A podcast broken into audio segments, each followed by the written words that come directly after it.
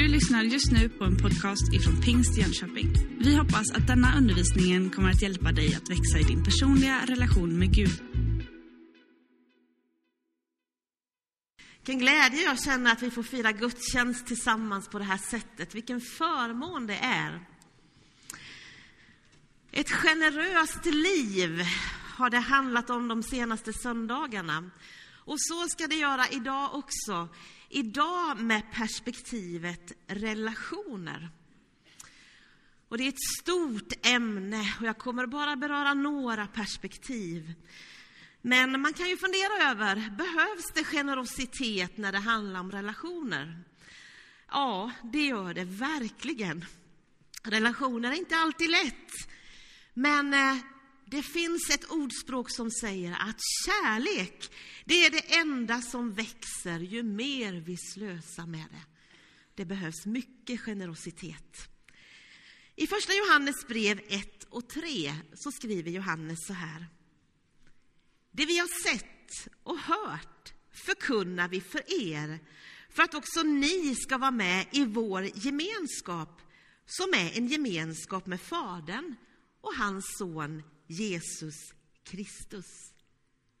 Det vi har sett och hört förkunnar vi för er för att också ni ska vara med i vår gemenskap som är en gemenskap med Fadern och hans son Jesus Kristus. Det är ju så här, Gud är gemenskap. Fader, son och ande. Den fullkomliga gemenskapen. Fullkomliga relationen. Och den är du och jag inbjuden till. Och vi är kallade att vara med och inbjuda andra till denna gemenskap. Evangeliet är väldigt generöst, som Bea predikar om här om söndagen. Gud är generös. Vi är inbjudna till gemenskap med honom själv. Och faktum är att vi människor, vi är ju skapade för gemenskap. Det är därför den här, den här ensamheten, som inte är självvald, den är så destruktiv och den, den gör så ont i människors liv. För vi är skapade för relationer. För hela relationen med Gud, med oss själva, med andra människor och med hela skapelsen. Det var ju så det var tänkt att vara. Och vi vet ju alla hur det är när relationer skaver. Det finns väl inget som tar så mycket energi som skavande, trasiga relationer.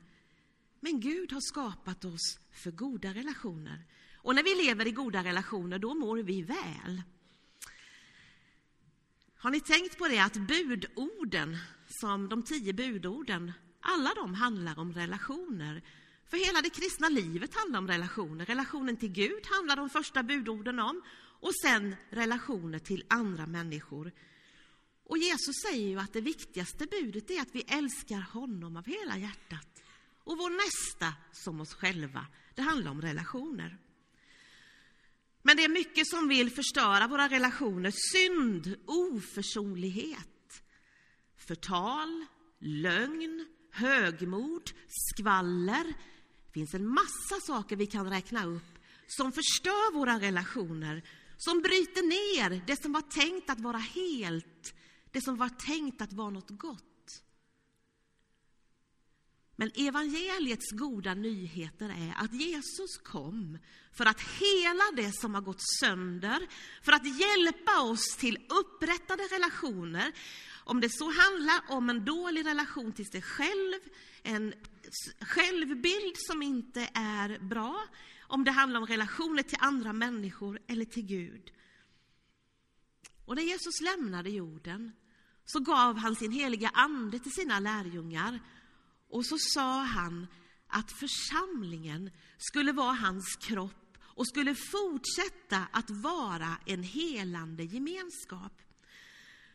Och jag tror att det är tänkt, även om det här är inget bibelcitat, men att församlingen är kallad att vara världens mest läkande miljö. För var skulle den miljön vara om inte i Guds församling? Att den är tänkt att vara läkande för relationer. Men så är det inte kanske du säger. Min erfarenhet är inte så. Och det kan vara så. För mitt i det som är tänkt att vara en läkande miljö så kan vi bli sårade och det finns relationer som kan gå sönder. Men Jesus, han har kallat oss att verka så, att fyllas så av hans ande så det faktiskt kan bli så att församlingen kan bli mer och mer en läkande miljö. För överallt där Jesus vandrade fram, där han gick, där blev människor helade på alla plan i sina liv. Det finns läkedom hos Jesus. I Apostlagärningarna 9 så läser vi en dramatisk berättelse om hur Saul andades hot och mordlust mot de kristna. Och så möter han en röst som stoppar honom på vägen och rösten säger Saul, Saul, varför förföljer du mig? Vem är du, Herre? sa han. Jag är Jesus, den som du förföljer. Saul förföljde de kristna, han förföljde den kristna kyrkan. Men det Jesus gör när han ställer sig i vägen, det är att han identifierar sig med sin församling. Och så säger han att Jesus och församlingen, Jesus och den kristna är oskiljaktiga, för så identifierad är Jesus med sin församling. Och när vi läser Nya testamentet så ser vi att församlingen har en framträdande roll och församlingen beskrivs under flera olika bilder som har med relationer att göra. Vi kan tänka på församlingen ur olika perspektiv, både det som är långt borta och det som är nära. Ni vet, vi arbetar i många andra länder och vi ser ju att församlingen, det är ju alla kristna på jorden och vi har Eh, ett ansvar för de som finns långt borta. Även om vi inte har personliga relationer så finns det relationer.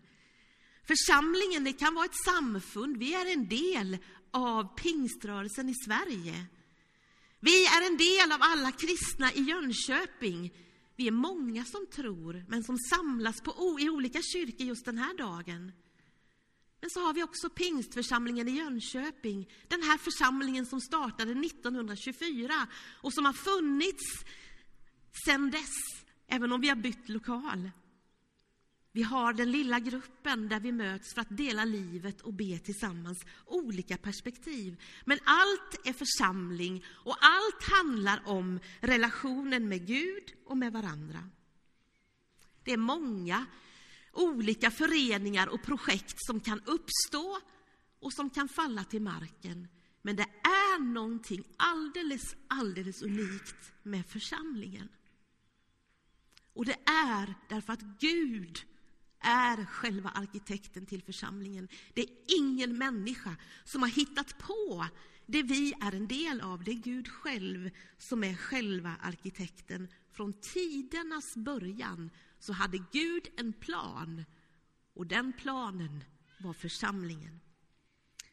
Gud är också den som bygger församlingen. Jesus säger, jag ska bygga min kyrka. Dödsrikets portar ska aldrig få makt över den. Det är starka ord. Jag ska bygga och kyrkan ska aldrig gå under. Ja, vi vet att som juridisk förening så kan en församling gå under, men inte när vi förstår vad församlingen verkligen är. Att den handlar om en gemenskap av människor med Jesus Kristus i centrum. Var och en må tänka på hur han bygger, säger första Korinthierbrevet, därför att vi alla är med och är medhjälpare i bygget av församlingen. Ledarna har ett särskilt ansvar, men alla har ett ansvar i den gemenskap som vi är med och bygger.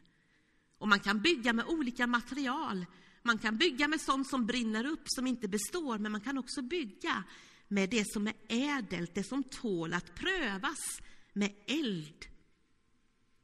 Det är viktigt att församlingen får vara en miljö som präglas av Jesus Kristus, av hans kärlek, det som, står, det som Jesus är. Jesus äger församlingen, han har köpt den med sitt blod. den är väldigt dyrbar. Den kostade Jesus hans liv.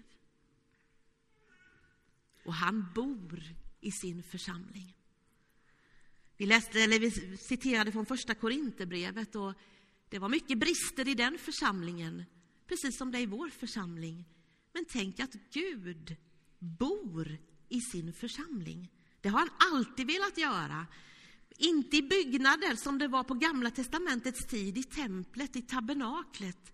Utan nu bor Gud i eh, de troendes gemenskap. Det står att genom honom fogas vi samman till en andlig boning åt Gud. Vi fogas samman. Och när vi fogas samman, då blir vi en andlig boning där Gud bor och där Gud kan uppenbara sig. Det står ju till och med så här att när två eller tre samlas i hans namn, då är han mitt ibland oss. Alltså när vi samlas, då är han där, i hans namn. Vi lever ju i ett, ett eh, samhälle som är väldigt individualistiskt, det säger vi ofta, men det är ju så. Det är ju det här med oberoende, det är som att det hyllas. Men församlingen, även om tron är personlig, vi tar emot Jesus på ett personligt sätt, så är ju tron inte någonting som vi har för oss själva, utan vi tror ju tillsammans. Och Bibeln säger att det är tillsammans med alla de heliga som vi kan fatta bredden, höjden, längden och djupet och lära känna Kristi kärlek. Ordet varandra. Någon har räknat att det är 50 gånger som det ordet står i Nya testamentet. Jag har inte gett mig på det, men gör gärna det och stryk under varje gång det står varandra. Älska varandra. Tjäna varandra. Uppmuntra varandra. Förlåt varandra. Massor av uppmaningar. Ett väldigt vackert ord omkring detta är från Romarbrevet 12 och 10. Där står det visa varandra tillgivenhet och broderlig kärlek. Överträffa varandra i ömsesidig aktning. Vilken miljö blir det när vi gör det här? Tänk om vi skulle tävla i att överträffa varandra i ömsesidig aktning. Vilken miljö det skulle skapa. Vi har nyss haft parentation och det är också ett uttryck för det som står i Romarbrevet att gläd er med dem som gläder sig, gråt med dem som gråter. Bär varandras bördor så uppfyller ni Kristi lag. Alltså det handlar om relationer, att komma nära och att faktiskt dela varandras glädje och varandras bördor. Nattvardsbordet står dukat här och jag längtar, snart är det dags. Jag älskar att fira nattvard i den här församlingen. Och jag minns för några år sedan så, jag arbetade inte i församlingen då utan jag hade ett annat arbete och jag kom sent till en gudstjänst och satte mig på läktaren. Där brukar inte jag sitta. Och när man sitter där så har man en väldigt bra överblick över vad som händer här nere. Och jag satt och tittade ner och så var det dags för nattvard. Och jag kunde inte hålla mina tårar tillbaka, för det är den vackraste syn som jag vet. Det är när vi går tillsammans till Herrens bord för att ta emot av gåvorna. Där kommer vi unga och äldre, där kommer vi människor med en bakgrund som är bruten och trasig. Vi kommer från olika länder, vi kommer friska och sjuka. Vi kommer med så olika bakgrunder och förutsättningar. Men alla förenas vi i att vi samlas vid bordet, vid nådens bord och så tar vi emot av det Jesus har gjort. Och ingen kan komma liksom och säga att jag är mer värd eller jag förtjänar det här mer än någon annan. Och ingen kan heller komma och säga att jag inte är värdig, utan det Jesus har gjort, det gäller för oss alla. Jag älskar att fira nattvard. Om en liten stund är det dags. Församlingen, den är både gudomlig och mänsklig på en gång. Den är både helig och bräcklig. Och så kommer det att vara så länge vi vandrar på den här jorden. Det är bräckligt ibland och ibland så ser vi bara det där bräckliga. eller bara det där mänskliga. Men mitt i vår bräcklighet så bor Gud. Mitt i allt detta som vi önskar skulle vara så annorlunda. Men församlingen, den är en gemenskap av bräckliga människor som söker sig till Jesus Kristus och till varandra. Församlingen som kropp är en fantastisk bild. Och inte bara en bild, det är en sanning. Första Korinthierbrevet talar mycket om det och vi börjar med att läsa från Romarbrevet som också talar om kroppen. Romarbrevet 12, 4-5 säger Liksom vi har en enda kropp med många lemmar, alla med olika uppgifter, så utgör vi, fast många, en enda kropp i Kristus. Men var för sig är vi lemmar som är till för varandra. En enhet i mångfald är detta som det talas om. Vi är hans händer och fötter. Vi är hans ögon och öron. Han är huvudet, vi är kroppen. Första Korinthierbrevet 12 talar väldigt mycket om hur vi ska se på oss själva och på varandra utifrån den beskrivningen av församlingen som kroppen.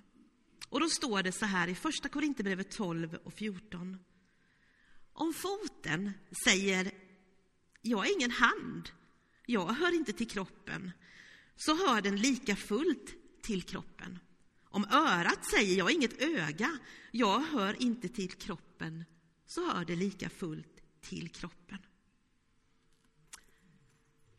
Jag vet inte hur du ser på dig själv, men det kan komma tider i livet när vi faktiskt ser ner på oss själva och funderar på, har det överhuvudtaget någon betydelse att jag är med? Jag kan lika väl dra mig undan. Sluta vara med i gemenskapen, det spelar ju ingen roll. Jag har ju inte så mycket som alla andra har, jag kan inte så mycket. Och så ser man ner på sig själv. Men vet du, om du drar dig undan så är det någonting som fattas. För varenda en har en viktig del i Kristi kropp. Första Korinthierbrevet 12 och 18 säger att nu har Gud gett varje enskild del just den plats i kroppen som han ville.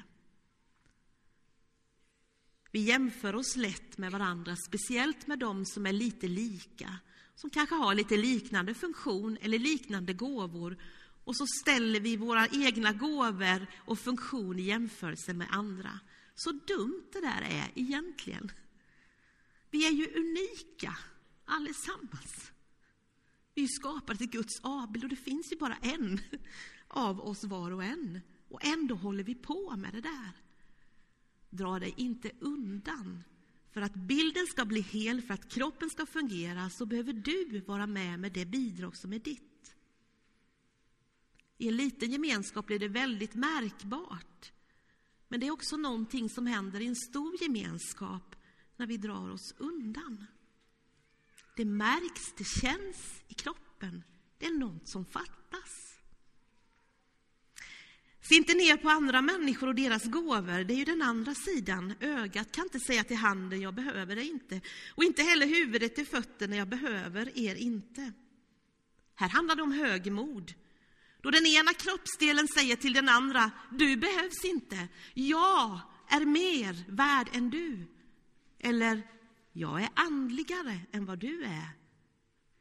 Och så hamnade vi också i konkurrens med varandra. Oberoende jämställs många gånger med mognad, men i Guds rike så handlar det om ödmjukhet, där vi faktiskt ser att vi är olika och vi behöver varandra. Ömsesidigt beroende. Gåvan att vara nitisk som ledare eller gåvan att med glatt hjärta visa barmhärtighet är lika viktiga. Anden själv fördelar sina gåvor som han själv vill. Och sen ska vi inte heller förvänta oss att alla andra ska vara precis som vi. Att inte överföra vår gåva eller passion på någon annan och tänka liksom att nu är det något fel därför att inte alla är precis som jag. Tänk hur det skulle vara, alltså det hemska tanke, om allt var en enda kroppsdel. Tänk ett jätteöga eller en jättehand. Bara en hand, bara, en, bara ett öga. Det skulle vara ett monster, det skulle inte vara en kropp, eller hur? Och tänk om allting bara skulle vara en personlighet eller en gåva som vore Katrin. Det vore totalt katastrof. Och det vore faktiskt lika illa om alla vore som du också. Men du vet, Gud i sin stora, stora vishet har satt samman en kropp där vi är beroende av varandra, där vi ska leva i en ömsesidig kärlek och beroende av varandra och där vi faktiskt behöver varandra. Och då kan man fundera över hur kan vi fungera tillsammans? Första Korinthierbrevet 12 och 13 säger Med en och samma ande har vi alla döpts att höra till en och samma kropp vare sig vi är judar eller greker, slavar eller fria, och alla har vi fått en och samma ande att dricka. Det har med överlåtelsen till Jesus i dopet, men också vad vi tar in, den helige Ande, har vi fått att dricka. Och när samma ande pulserar i blodomloppet, då blir vi förenade. Då ser vi på varandra i ödmjukhet och tacksamhet. Ibland läser man på olika ställen i Bibeln om köttet och anden. De där två begreppen de är i motsats till varandra. Köttet är människans gamla natur, syndiga natur och anden har ju med det nya livet att göra. Och det är väldigt uppenbart alltså, vad frukten blir. Men ibland får vi kämpa ganska mycket med det här i våra egna liv. Att det där vill ta överhand. Det där som har med den gamla naturen att göra. Det som är otukt, orenhet, fiendskap, strider, ofördragsamhet, vrede, intriger, splittring och maktkamp. Men så står det om Andens frukt. Det här har ju med relationer att göra. Kärlek, glädje, frid, tålamod, vänlighet, godhet, trofasthet, ödmjukhet och självbehärskning. Det är skillnad på eftersmaken av de där orden, eller hur? Köttets frukt och andens frukt. Och andens frukt vill vi ha mycket av och därför behöver vi fyllas mycket av Guds ande. Församlingen är ju till för den här världen. Vi firar Singoalla idag. Vi är inte till för oss själva bara, utan vi är till för alla dem som ännu inte har en relation med Gud eller med andra människor. Vi är till för världen. Och därför är det så viktigt att kroppen får fungera. Att vi får vara det som Gud har tänkt, så vi kan vara med och göra skillnad, betyda någonting för den här världen. Hur du och jag ser på församlingen och vad du och jag säger om församlingen har väldigt stor betydelse för både oss själva och för andra människor. Om vi har fokus på allt det som inte fungerar eller om vi ser bilden som Gud ser när han ser på oss och vi försöker att vara med genom vårt bidrag och bygga upp. Jag tycker det är väldigt spännande att se församlingen ur ett nytt perspektiv. Och de senaste åren så har vi ju fått möta väldigt många människor som har kommit till oss från olika länder och faktum är att vi står mitt i en stor väckelse i vår församling. När vi har undervisning för nyfrälsta så är det över 50 stycken som finns här inne på tisdagar. Över 100 går på svenskundervisning och för 150 på Café hela världen. Det är många som kommer till oss från andra länder som tar emot Jesus och är så öppna för evangeliet. Och vi har kö till dopskolan, vi har fullt upp det är jättemånga människor som vill komma och vara med. Och när man ser på församlingen ur deras perspektiv, ja men då, det här är hemmet. Det är deras nya familj, mamma, pappa, syskon. Alltså det är en sån glädje att få se på församlingen ur det perspektivet. Eller få höra när vi sitter i onsdags när socialtjänst och kvinnokliniken och familjecentralerna är och de talar om mötesplatsen Singoalla och vad den får betyda långt, långt utanför väggarna här. Eller som när landshövdingen var här i torsdags tillsammans med fyra ifrån Länsstyrelsen, fyra chefer och pratar om integration och tittar på hur arbetar vi. Då blir man gång på gång påmind om att vi har någonting som är så unikt. En gemenskap av människor från olika generationer. Vi har mötesplatser och vi har ett engagemang som på det sättet inte finns någonstans i samhället på samma sätt. Vi ska vara rädda om församlingen. Den är vacker, den är någonting unikt och vi ska tillsammans bygga vidare. I första Thessalonikerbrevet så ber Paulus så här. Må han som är fridens Gud helga er helt igenom och må er ande, själ och kropp bevaras hela oskadda så de är utan fläck när vår Herre Jesus Kristus kommer. Han, har, han som har kallat er trofast, han ska åstadkomma det.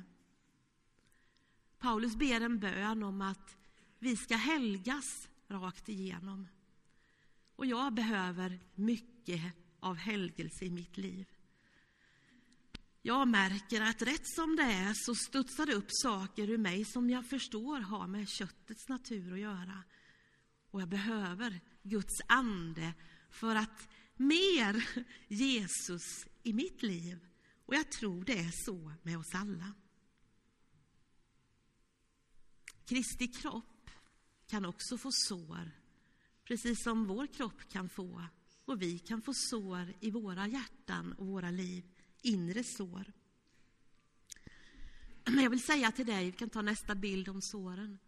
Jag vill säga till dig att du som upplever att du har blivit sårad på något sätt, kanske i församlingsmiljö,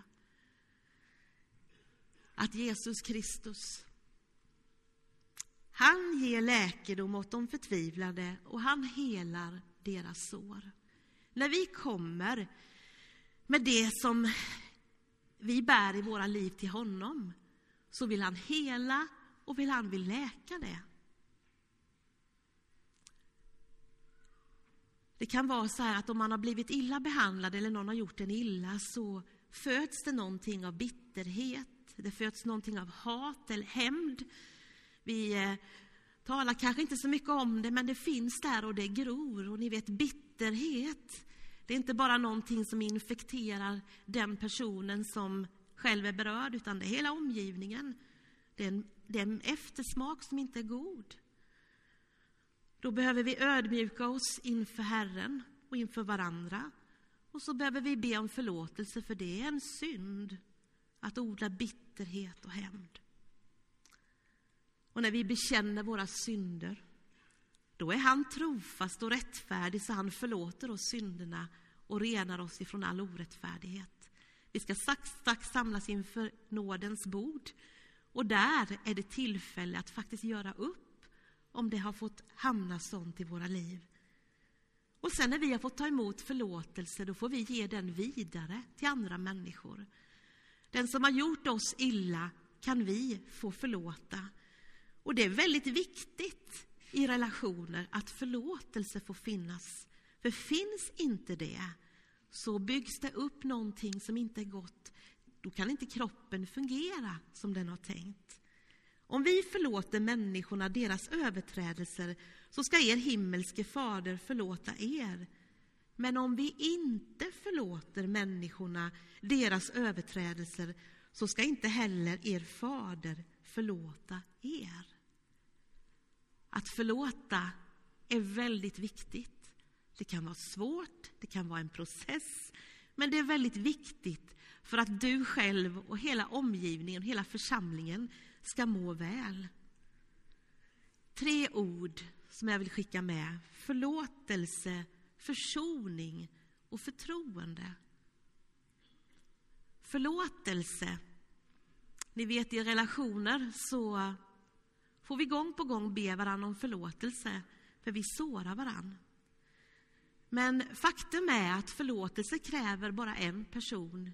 Jag kan förlåta någon som har gjort mig illa, även om den personen inte vill förlåta mig. Jag kan förlåta någon som till och med är död. Men för att vi ska försonas så krävs två personer som lägger ner sina anklagelser, tar varandra i hand och blir försonade och det ska vi sträva efter. Men gå inte det så kan vi ändå förlåta. Förtroende, det kan brytas ner och det tar tid att bygga upp. Förtroende är någonting vi förtjänar. Och det är inte alltid att förtroendet finns där omedelbart om någon har gjort oss illa. Men låt oss börja med att förlåta. Så kanalerna får bli öppna. Och jag har varit med om det i vår församling. Jag har varit med om att människor har kommit till mig och sagt Katrin, jag vill eh, bekänna att jag under flera år har tänkt illa tankar om dig. Jag har inte kunnat lyssna på dig. För du gjorde mig så illa då. Du sa så, du gjorde så. Och sen dess har jag burit ett agg till dig i mitt liv. Men nu känner jag att jag vill inte ha det så här längre. Och så, jag har varit med om det flera gånger, så har personer kommit och sagt, kan du förlåta mig? Och jag blir alldeles förkrossad och känner, jag har inte vetat detta, att jag har varit med och sårat. Och så har vi fått be varandra om förlåtelse och så har någonting hänt. Vi har blivit fria och personen som har varit bunden i flera år har kunnat få gå vidare och fri. Och så känner man att någonting har öppnats i vår relation. Förlåtelse är fantastiskt, det är en gåva som vi får ge varandra. Och jag skulle önska att förlåtelse och försoning fick vara någonting som präglar vår församling. Till sist, det finns så mycket tacksamhet och så mycket kärlek i den här församlingen. När Thomas Sjödin var här och talade så sa han så här i onsdags. När människor ligger på sin dödsbädd så är det tre saker man vill prata om. Det är kärlek, det är kärlek och det är kärlek. Det är kärleken man fick ta emot. Det är kärleken man aldrig fick del av. Och det är kärleken som, slö, som slogs i tusen bitar. Och så sa han, varför ska vi vänta med de här viktiga sakerna som handlar om kärlek och relationer till dödsbädden när vi vet att det är det här hela livet handlar om? Så vi är en del av en församling och Gud, han vill hjälpa oss att vandra i goda relationer till, Gud, till honom själv, till oss själva, men också till varandra. Du har just lyssnat på en podcast ifrån Pingst Jönköping. För att få reda på mer om vilka vi är och vad som händer i vår kyrka så kan du gå in på pingstjonkoping.se eller följa oss på sociala medier via pingstjkpg.